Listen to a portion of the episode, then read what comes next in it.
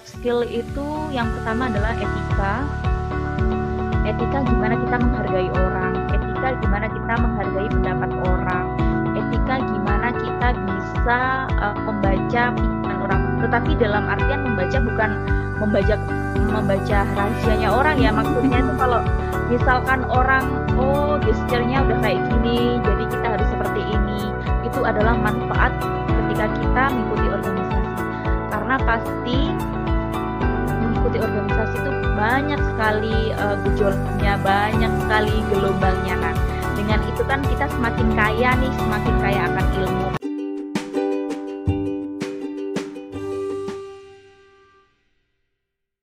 Halo Yoters, balik lagi nih sama podcast Yot Banyuwangi hari ini. Nah, untuk podcast hari ini kita mau belajar bersama sama salah satu yang pembicara. Kemarin kita sudah kenal kakak ini dari salah satu acara di Banyuwangi. Nah, sekarang kita mau kenal lebih dalam lagi sama kakak yang satu ini. Nah, boleh silakan Mbak Mirda diperkenalkan dirinya, monggo. Halo Yoters, apa kabar semuanya? Semoga sehat selalu. Pasti uh, yang bergabung dari sini bukan hanya dari Banyuwangi ya, tapi dari seluruh Jawa Timur mungkin. Dan perkenalkan, salam kenal juga aku Mirda Tri Arya Chandra, bisa dipanggil Mirda. Nah, itu aja perkenalan aku. Mbak Mirda sekarang nih kegiatannya apa aja nih Mbak kalau boleh tahu? Ya, jadi kegiatanku sekarang sih uh, setiap harinya kerja. Kalau Sabtu Minggu jadi anak di rumah. gitu aja kegiatannya. Iya. Hari Nah, kerja. iya Mbak. Jadi setiap masih Mbak Mirda ini baru lulus atau gimana? Jadi kalau aku itu baru lulusnya 2019 akhir kemarin dan Hmm. alhamdulillah dapat kerja langsung di Banyuwangi. Wah, Kayak gitu. wah. Nah, kan kemarin kita sempat bahas nih Mbak di beberapa beberapa minggu yang lalu nih. Bahkan hampir satu Mm-mm. bulan ya kayaknya Mbak Mirda kan jadi pembicara nih di acaranya Youth kan.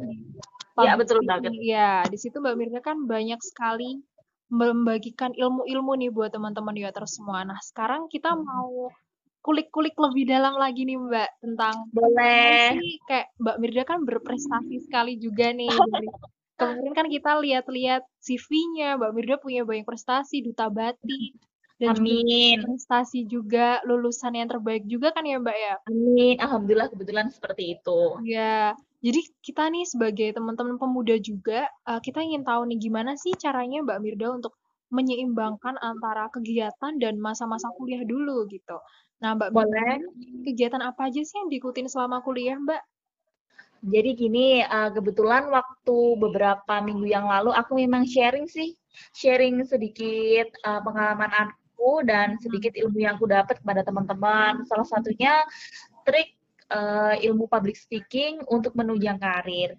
Dan kalau pertanyaannya Mbak tadi kan kegiatan apa aja yang aku ikutin selama kuliah, jadi aku selama kuliah itu mengikutin sekiranya lebih dari dua organisasi. Kemudian aktivitas-aktivitas di luar kampus juga aku sering ngikutin. Uh, untuk jenis-jenisnya banyak sih, dimulai dari BEM, dari paguyuban, dan itu paguyuban internal maupun eksternal kampus, aku memang mengikuti beberapa. Kemudian kegiatan di selama kuliah juga, uh, selain aku mengikuti organisasi, aku juga sambil kerja juga nih. Nah, Wah. kerjanya itu, HA, Hmm. jadi kerjanya itu sebenarnya itu hobiku sih, hobi nge-MC, Hmm. tapi yang dibayar, jadi Oh gitu. jadi kerjanya seru kayak gitu. Hmm. Nah, untuk Mbak Mirda bagi waktunya gimana sih Mbak manajemen waktunya bagi antara kerja, kegiatan lainnya, kuliah lagi, sehingga bisa Mm-mm. lulusnya juga jadi lulusan yang terbaik. Gimana sih Mbak?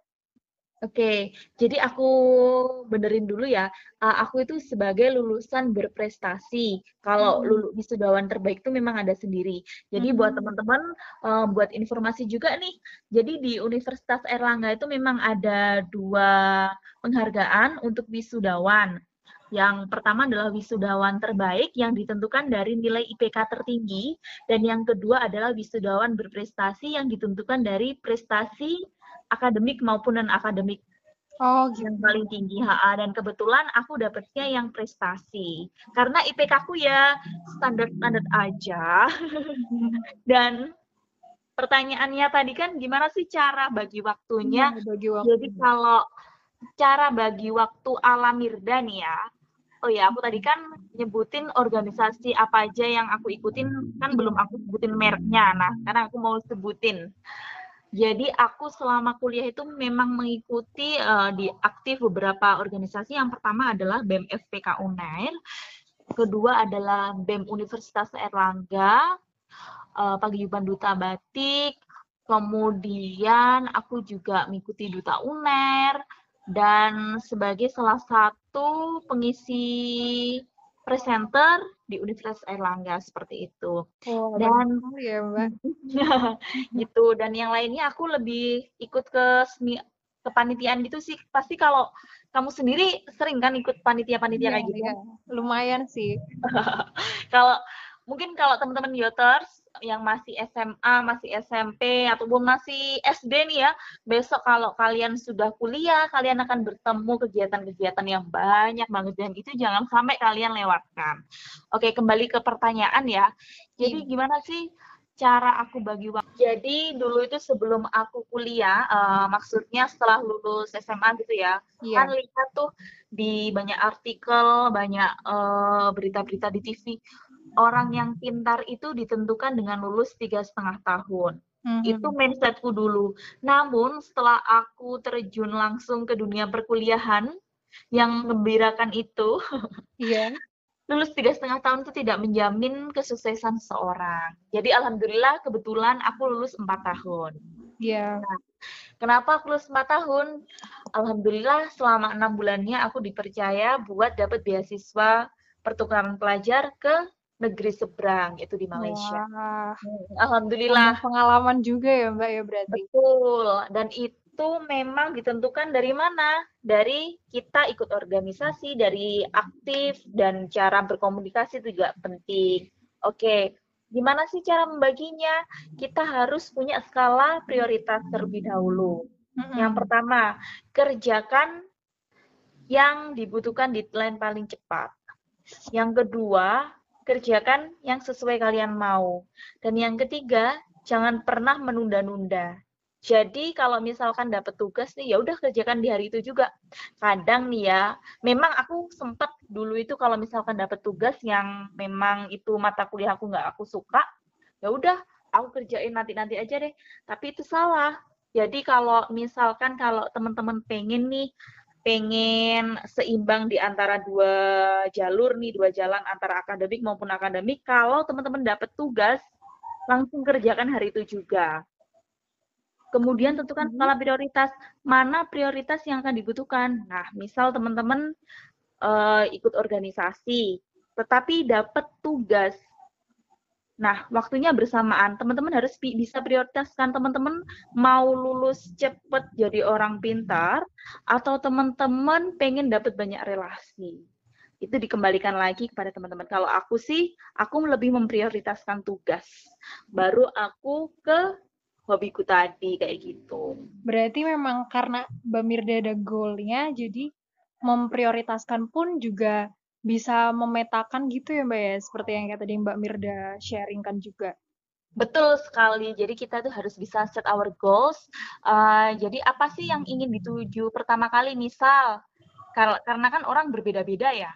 Iya. Pengen lulus langsung kerja, pengen lulus langsung dapat relasi, pengen lulus jadi dosen. Kalau kalian pengen lulus jadi dosen, uh, mungkin teman-teman harus belajarnya lebih giat lagi. Kalau lulus pengen jadi public figure ya udah teman-teman harus banyak berkomunikasi atau jalin relasi ke orang lain. Atau teman-teman pengen langsung kerja uh, ke yang kan kalau kerja kan kita terjun lapangan ya teman-teman harus banyakin tuh PKL PKL kayak praktek kerja lapang kayak gitu.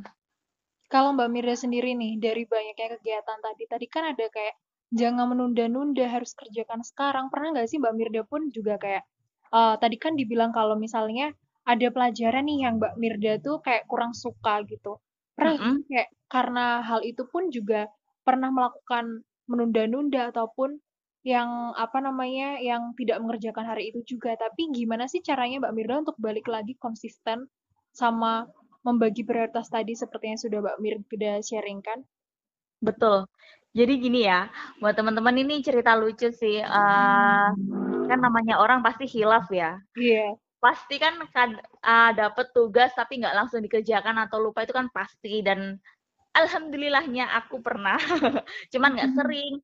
Aku pernah beberapa aja karena itu memang aku bener-bener lupa. Aku tuh gambling waktu itu kayak aduh aku terlalu fokus sama kegiatan organisasi sampai tugasku itu pernah meleset sedikit aja. Tetapi aku kembali lagi ke goalsku. Aku harus bisa lulus tepat waktu. Nah, jadi aku bisa kembali lagi untuk mengerjakan tugas tepat waktu kayak gitu. Pernah nggak sih Mbak Mirda merasa bosan sama semua aktivitasnya Mbak Mirda ketika kuliah itu Mbak? Apalagi banyak kegiatan juga kan Mbak? Nah, jadi kalau buat aku sendiri sih nggak ngerti ya kalau uh, teman-teman kebanyakan karena aku pern aku tipe kalau menurutku aku tipe orang yang ekstrovert. Jadi kalau misalkan hmm. aku ketemu banyak orang, aku tuh malah terhibur. Hmm, Tapi gitu. kalau misal uh, jadi kalau misalkan aku kayak sepi, diem, aku tuh kadang merasa lebih bosen kayak gitu. Nah, jadi kalau untuk pertanyaan bo pernah bosen nggak sih sama kegiatan-kegiatan kayak gitu? Kalau jujur dari aku, aku nggak pernah bosen karena apa? Aku gimana ya? Aku tuh selalu pengen nyari informasi baru, uh, setting goals baru, pengen dapet penghargaan baru. Nah, dengan kita setting keinginan yang baru, kita kan terus untuk berusaha. Nah, seperti itu akan menekan rasa kebosanan. Itu kalau dari aku. Wah, menarik banget nih Mbak Mirda buat Mbak Mirda kan extrovert nih. Nah, sedangkan saya kan introvert nih. Jadi kayak nah. oh ternyata extrovert tuh kayak gini, kayak gitu. Tapi uh, tapi kalau menurut aku introvert atau extrovert tuh kan memang kalau koreksi ya kalau misalkan hmm. salah ya itu istilah psikologis kan yeah. tapi kalau menurutku itu sebenarnya bisa dirubah jadi yeah. uh, jangan sampai ya teman-teman misal nih menganggap ekstrovert aduh aku ekstrovert jadi kalau aku ketemu orang orangnya cablak orangnya nggak bisa diatur lalalala terus kemudian aku orangnya introvert nih aku nggak mau ketemu orang aku orangnya pemalu dan lain-lain itu salah kalau menurut aku dulu jujur aja aku tuh orangnya pemalu aku nggak mau maksudnya itu takut gitu kalau ketemu hmm. orang lain. Berarti kan introvert kan? Karena aku seperti itu, alhamdulillah aku diikutkan banyak kegiatan sama ibuku seperti lomba model, lomba MC. Nah, dari seperti uh, dari hal-hal kayak gitu aku jadi berubahlah kepribadianku. Jadi, jadi extrovert. Jadi lingkungan juga ya, Mbak ya, mendukung Betul. Juga. Iya, Betul. setuju dengan Mbak Mirda juga bukan karena ekstrovert introvertnya tapi kalau memang kita juga mau merubah dan belajar pun juga bisa berubah juga. Nah, kalau nah, Mbak Amir, betul. Jadi itu merupakan poin yang kita bahas barusan ini ya. Mm-hmm. Jadi jangan sampai sih kalau misalkan kita, e, tema pada bahasan kali ini kan gimana sih cara menyeimbangkan ya antara kegiatan kuliah sama prestasi-prestasi. Mm-hmm. Jadi teman-teman jangan terpatok sama hasil kalau introvert sama extrovert itu semuanya akan berubah ketika kita memiliki kemauan sama lingkungan yang mendukung kayak gitu. Wah, sangat itu sekali membantu sekali untuk teman-teman juga yang masih kuliah untuk ya depannya nanti seperti apa. Nah, Mbak Mira tadi di awal juga kayak menyebutkan uh, sharing nih buat teman-teman yoter semuanya yang lagi dengar mm -hmm. sekarang untuk explore nih lebih banyak lagi. Betul. Apalagi ketika kuliah juga kan Mbak. Nah, kenapa sih Mbak Mirda pun menyarankan hal itu gitu sama teman-teman Yoters untuk eksplor lebih banyak lagi? Jadi gini, kegiatan belajar di dalam kelas sama di luar kelas tuh sangat berbeda.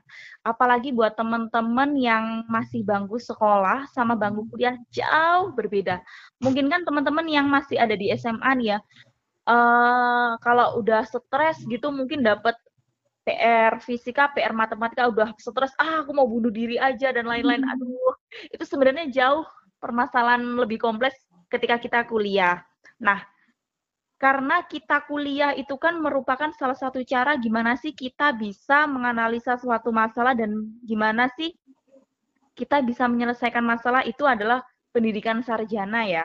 Iya. Jadi kalau kalian itu pengen jadi orang yang bisa menganalisa dan bisa gimana cara menyelesaikan, caranya yaitu dengan mengikuti banyak organisasi. Bukan dari banyaknya organisasi yang kita ikuti, tapi berapa banyaknya pengalaman serta relasi yang kita dapat kayak gitu.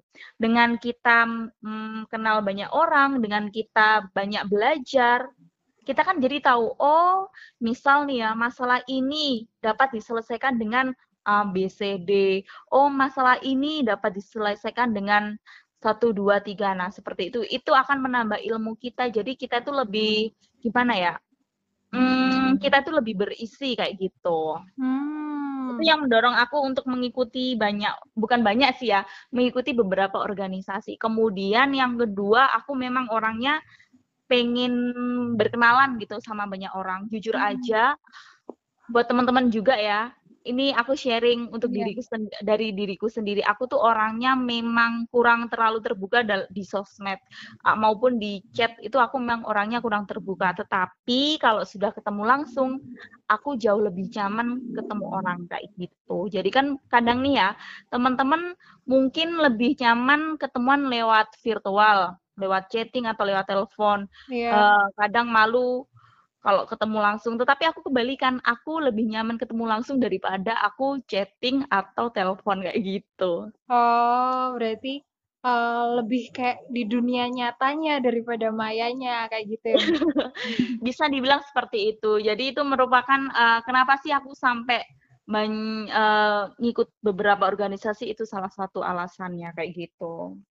Iya, tapi ya kayak yang tadi aku dapat dari Mbak Mirda juga ketika explore tuh pasti kan kita banyak diisi kan dan itu berguna juga untuk ke depannya lagi. Nah, Betul sekali. Mbak Mirda nih sebelum kuliah nih pasti kan biasanya kalau misalnya mahasiswa mau lulus nih mm-hmm. SMA juga ataupun yang sudah kuliah juga kalau mau ke jenjang selanjutnya pasti kan kayak punya perencanaan-perencanaan nih Mbak. Apalagi yep. sekarang Mbak Mirda udah kuliah, eh, udah kerja. Nah, mm-hmm, alhamdulillah. Kita bahas tentang yang kuliah. Nah, untuk biasanya kan teman-teman yang dari SMA ada yang langsung kerja juga kan, Mbak. Untuk mm-hmm. menyeimbangkan sendiri, ada juga nggak sih, Mbak, kayak tips triknya untuk menyeimbangkan ketika sudah di dunia kerja dan juga masuk di dunia kerja itu pasti kan sudah berbeda dengan ketika kita masa-masa studi kan, Mbak. Nah, ada nggak sih tips triknya dari Mbak untuk menyeimbangkan juga kayak kegiatan kita antara keluarga dan juga dengan uh, pekerjaan kita kayak gitu ada nggak sih dari Mbak Mirda cerita seperti itu Mbak? Siap, baik. Uh, coba aku ulangi yang tadi ya. Jadi teman-teman, kenapa sih kita penting banget mengikuti organisasi saat kita sekolah maupun udah kuliah? Hmm. Yang pertama kita bisa mengasah soft skill.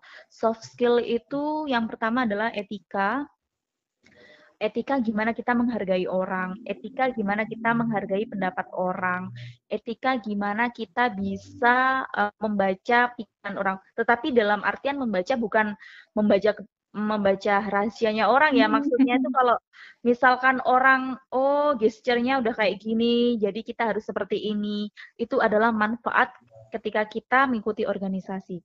Karena pasti mengikuti organisasi itu banyak sekali uh, gejolaknya, banyak sekali gelombangnya. Nah, dengan hmm. itu kan kita semakin kaya nih, semakin kaya akan ilmu kayak gitu.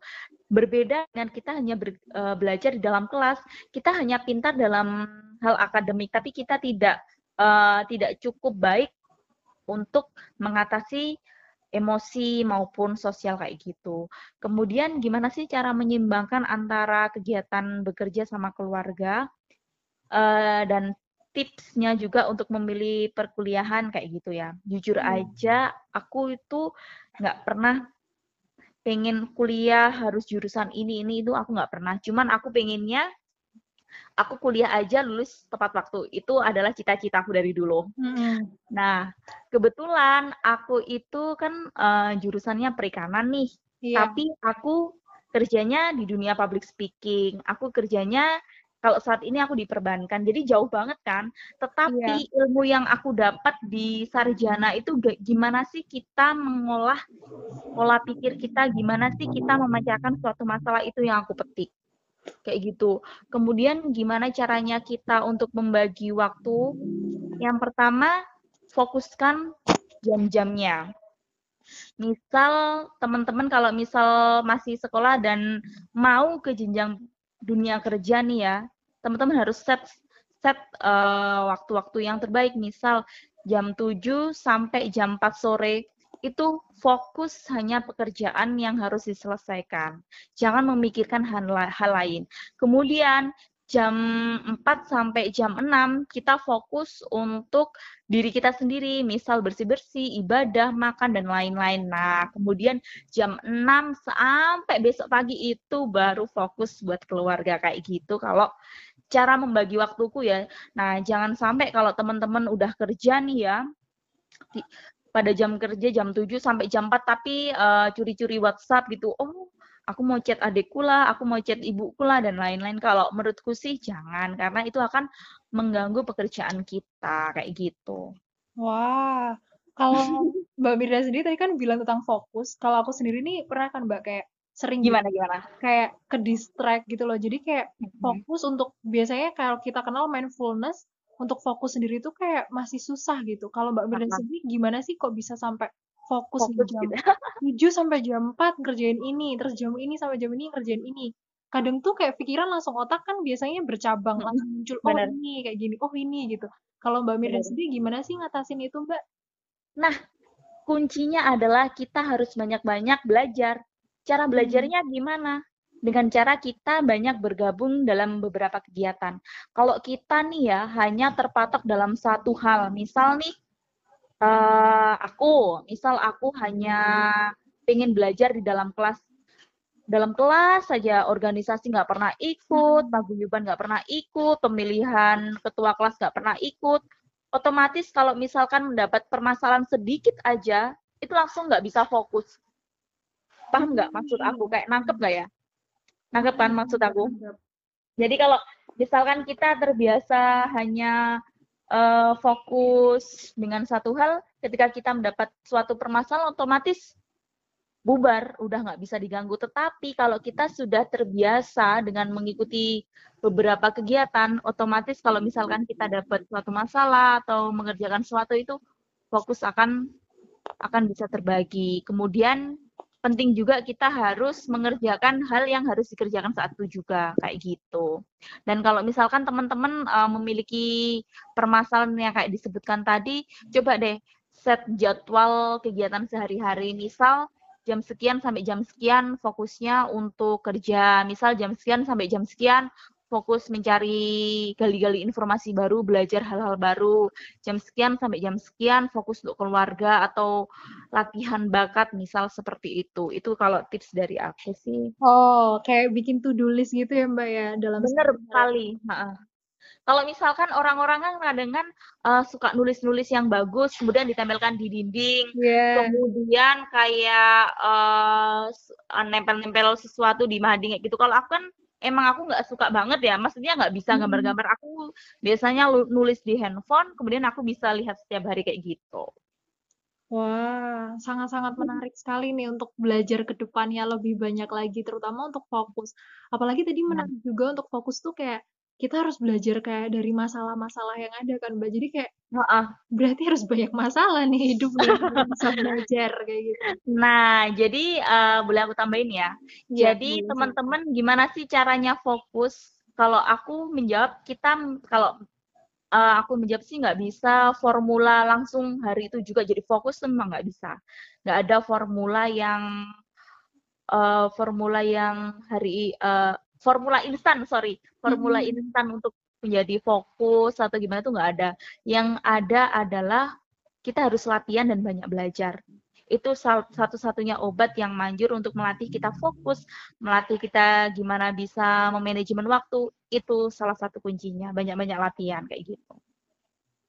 Berarti memang harus banyak-banyak latihan itu yang utama juga ya, Bener sekali. Kalau menurut aku sih permasalahan tuh nggak perlu permasalahan diri sendiri ya. Misal teman-teman ngikutin ngikutin suatu jadi acara seminar nih panitia seminar pasti kan ada random acara atau jadwal acara yang nggak sinkron atau misal pembicara datanya telat peserta datanya telat nah hal-hal kecil kayak gitu kan itu sudah melatih pola pikir kita untuk menyelesaikan suatu masalah kayak gimana kayak gitu wow berarti memang pelatihan untuk problem solvernya juga harus selalu dilatih apalagi dalam kehidupan sehari-hari kan ya Mbak.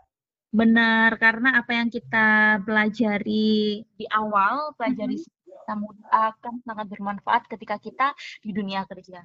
Meskipun aku masih baru lulus 2019 kemarin, kebetulan kan aku sudah banyak belajar dan Iya. uh, bekerja sebelumnya. Nah, Mhm. jadi memang kegiatan kita di luar kelas itu sangat dibutuhkan ketika kita di dalam suatu pekerjaan. Oh ya teman-teman, uh, ini juga penting sih kalau misalkan kita kan di dalam kelas mungkin individualisme ya.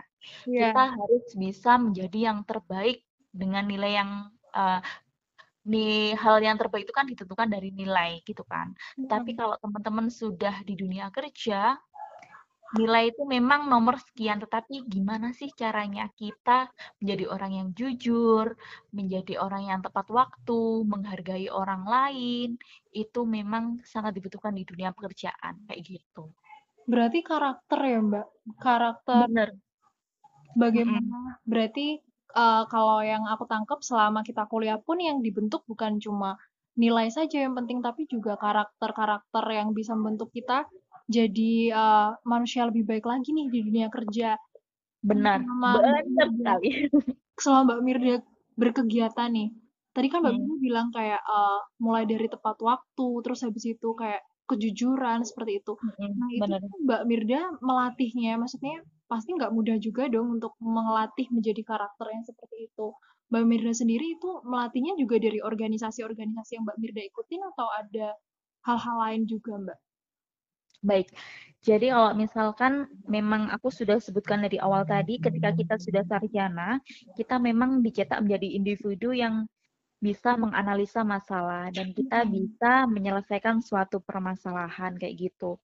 Dan gimana sih ketika karakter uh, tepat waktu, jujur, dinamis dan lain-lain. Alhamdulillah aku dapat hal seperti itu dari keluargaku, khususnya dari orang tuaku. Karena Hmm. kedua orang tuaku memang menam- menanamkan dari sejak di aku dini, jangan sampai kamu mengecewakan orang lain. Caranya apa? Tepat waktu dan jujur. Dua kata kunci buat tidak mengecewakan orang lain. Otomatis kalau misalkan kita tidak tepat waktu dan kita tidak jujur, kepercayaan orang lain akan menurun dengan diri kita. Nah, tepat waktu memang susah sekali kan. Kalau cara mensiasatinya gimana sih caranya biar uh, tetap uh, tetap tetap tepat waktu itu. Misal nih ada suatu permasalahan yang mengharuskan kita tidak tetap uh, tidak te tepat waktu. Cobalah 15 menit sebelumnya atau 5 menit sebelumnya itu izin.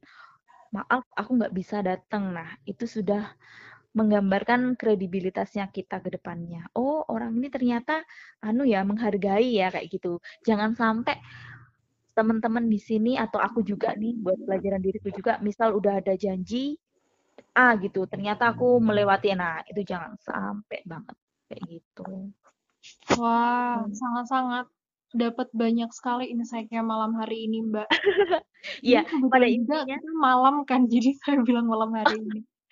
Iya pada pada intinya sih kita yang pertama lingkungan. Mm -hmm. Uh, yang uh, sorry bukan aku aku ralat ya. Yang pertama yeah. kita harus bisa set keinginan kita. Yang kedua lingkungan. Dan yang ketiga pengalaman.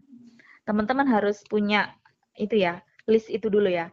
Jadi yang pertama adalah keinginan lingkungan dan pengalaman. Coba cari sebanyak-banyaknya dan sebaik-baiknya.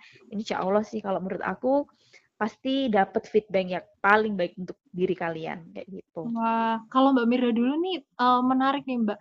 Waktu nge-set misalnya goal, pasti Mbak Mira punya goal kan dalam setiap yang dikerjakan itu.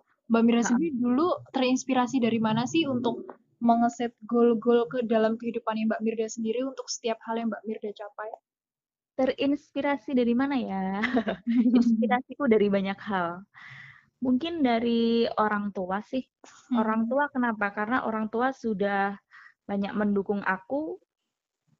Karena beliau-beliau sudah mendukung aku, sayang dong kalau aku nggak bisa memberikan yang terbaik kayak gitu. Iya. Yang kedua, ha -ha.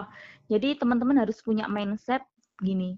Orang tua kita udah capek-capek nih ngebiayain kita, udah capek-capek ngedidik kita. Sayang dong kalau kita nggak ngebahagiain mereka. Caranya apa? Dengan kita berprestasi, dengan kita belajar giat, dengan kita berlatih giat, otomatis kan kit karena kita sering latihan kan, eee, bakat yang ada dalam diri kita itu akan terasa. Nah, batah eee, bakat tersebut nih yang akan membuat sesuatu berharga dari diri kalian, kayak gitu. Wah, sangat-sangat, eee, membagi berbagi banyak hal gitu untuk kita, terutama orang tua juga, lingkungan kita juga. Benar. Wah, banyak sekali Mbak Mirda untuk sharing-nya hari ini yang sangat-sangat sa kayak aku jadi punya hal-hal baru gitu, terutama karakter itu tadi yang penting juga dalam dunia kerja Heeh. sendiri. Terima kasih Benar. banyak Mbak Mirda. Nah, sebelum menutup podcast hari ini nih Mbak, eee, ada, eee, dari kami nih, dari tim Yoters minta untuk Mbak Mirda kasih closing statement nih buat teman-teman Yoters sekarang yang sedang mendengarkan. Silahkan Mbak Mirda. Baik, terima kasih buat teman-teman Yoters semuanya di seluruh Banyuwangi maupun di Indonesia. Eee, teruslah belajar dan berlatih, pasti diri diri kalian akan terasah terus. Dengan cara belajar dan ter berlatih, pasti diri kalian akan menjadi sesuatu yang sangat berharga. Jangan benarkan suatu kebiasaan, tapi biasakanlah suatu kebenaran. Sekian dari saya, sampai jumpa di lain waktu. Wah, terima kasih banyak Mbak Mirda. Sama-sama. Nah, Yoters itu tadi perbincangan kita dengan Kak Mirda. Sampai jumpa lagi di podcast selanjutnya.